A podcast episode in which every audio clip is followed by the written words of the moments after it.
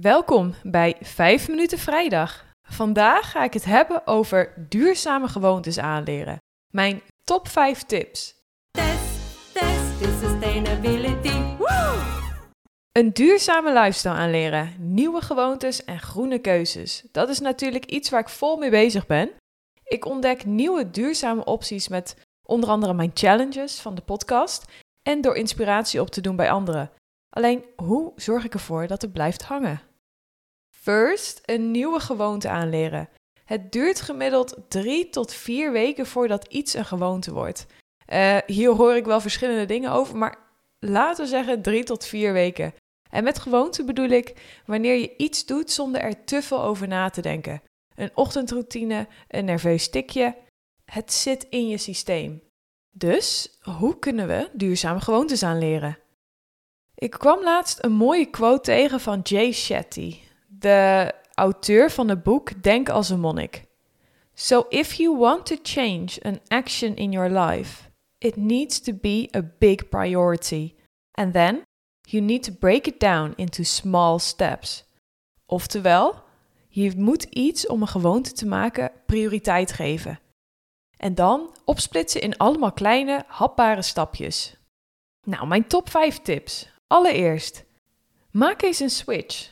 De welbekende vleesloze dagen hoor je steeds vaker langskomen. Maar zo kan je ook experimenteren met een switch van vega naar plantaardig. En wat dacht je bijvoorbeeld van een switch in het huishouden? Probeer eens bij je eerstvolgende poetsbeurt te kijken naar zelfgemaakte huishoudmiddelen. Met bijvoorbeeld baking soda in plaats van de standaard chemische zeepjes. Zo kan je alles in je dagelijks leven eens bekijken en één voor één wisselen voor een duurzamere optie. Moet je eens voorstellen waar je dan over een jaar staat met je duurzaamheid in het huis. Wauw. Nummer 2. Verlaag de drempel. Zorg dat in je boodschappentas altijd zakjes hebt zitten voor je groente, fruit en of brood. Als je weggaat heb je die dus altijd bij je. Ik heb bijvoorbeeld altijd mijn to-go koffiebeker in mijn jas zitten. Zo vergeet ik die nooit als ik op pad ga. Nummer 3. Probeer niet alles in één keer te veranderen, maar werk aan kleine stapjes. Uit enthousiasme kan je heel makkelijk te veel hooi op je vork nemen. Um, heel erg herkenbaar. Maar dat hou je vaak niet zo lang vol. Focus je in plaats daarvan eens op één stap per week. Ik werk met een challenge van maximaal twee weken om te ervaren hoe het is. Dan heeft dat mijn volle aandacht en voel ik mij niet meteen overwhelmed met te veel nieuwe prikkels en te veel nieuwe handelingen. Nummer 4. Wees niet perfect. Na een slippertje haal je schouders op en ga gewoon weer verder. Net zoals je bij een dieet niet meteen een verloren zaak hebt als je een keer een snoepje pakt. Maar je gaat gewoon rustig verder. En hey, het maakt, het maakt niet zo uit. Wees niet te streng voor jezelf. En nummer 5. Get a buddy.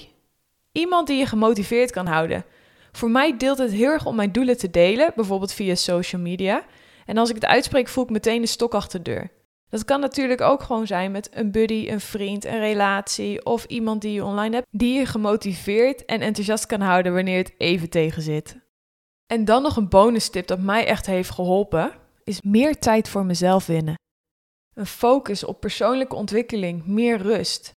Om dat te winnen heb ik elke dag de wekker vijf minuten eerder gezet. Dat heb ik gedaan totdat ik in totaal 45 minuten in de ochtend extra voor mezelf heb gewonnen. Dit besteed ik nu aan lekker lezen, in de tuin werken en of sporten. En ik geloof dat als je lekker in je vel zit, je ook meer kan betekenen voor anderen, inclusief het klimaat. Maar ja, misschien is dat een andere 5-Minute Friday onderwerp. Hopelijk helpen deze 5 tips jouw leven wat groener te maken.